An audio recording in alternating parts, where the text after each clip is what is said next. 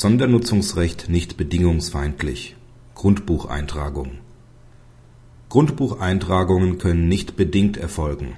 Ausnahme ist das wohnungseigentumsrechtliche Sondernutzungsrecht. Bei der Aufteilung eines Gebäudes wollen die Eigentümer für eine Wohnung ein Sondernutzungsrecht an einer Garage, begrenzt auf den Zeitraum, in dem der Berechtigte in der Wohnung lebt und ein Kfz hält, begründen. Danach soll das Sondernutzungsrecht auf andere Eigentümer übergehen. Das Grundbuchamt lehnt die Eintragung ab. Das OLG Zweibrücken meint, dass die Bedingtheit des Sondernutzungsrechts kein Eintragungshindernis darstellt. Das Sondernutzungsrecht besteht aus der zuweisenden positiven und der ausschließenden negativen Komponente.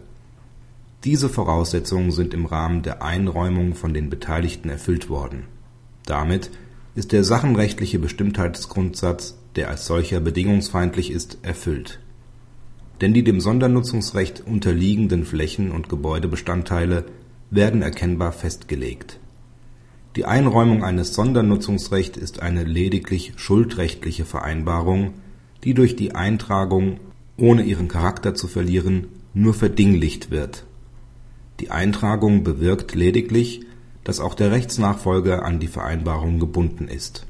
Die Bedingung, wem das Sondernutzungsrecht auf Dauer zustehen soll, hat als schuldrechtliche Vereinbarung nicht an der Eintragung teilzunehmen.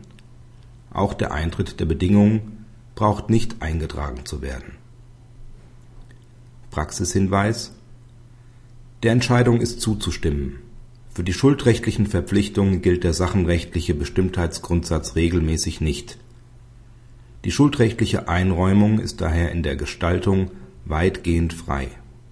Durch die Verdinglichung über den heutigen § 10 Absatz 3 WEG können diese Anforderungen nicht erhöht werden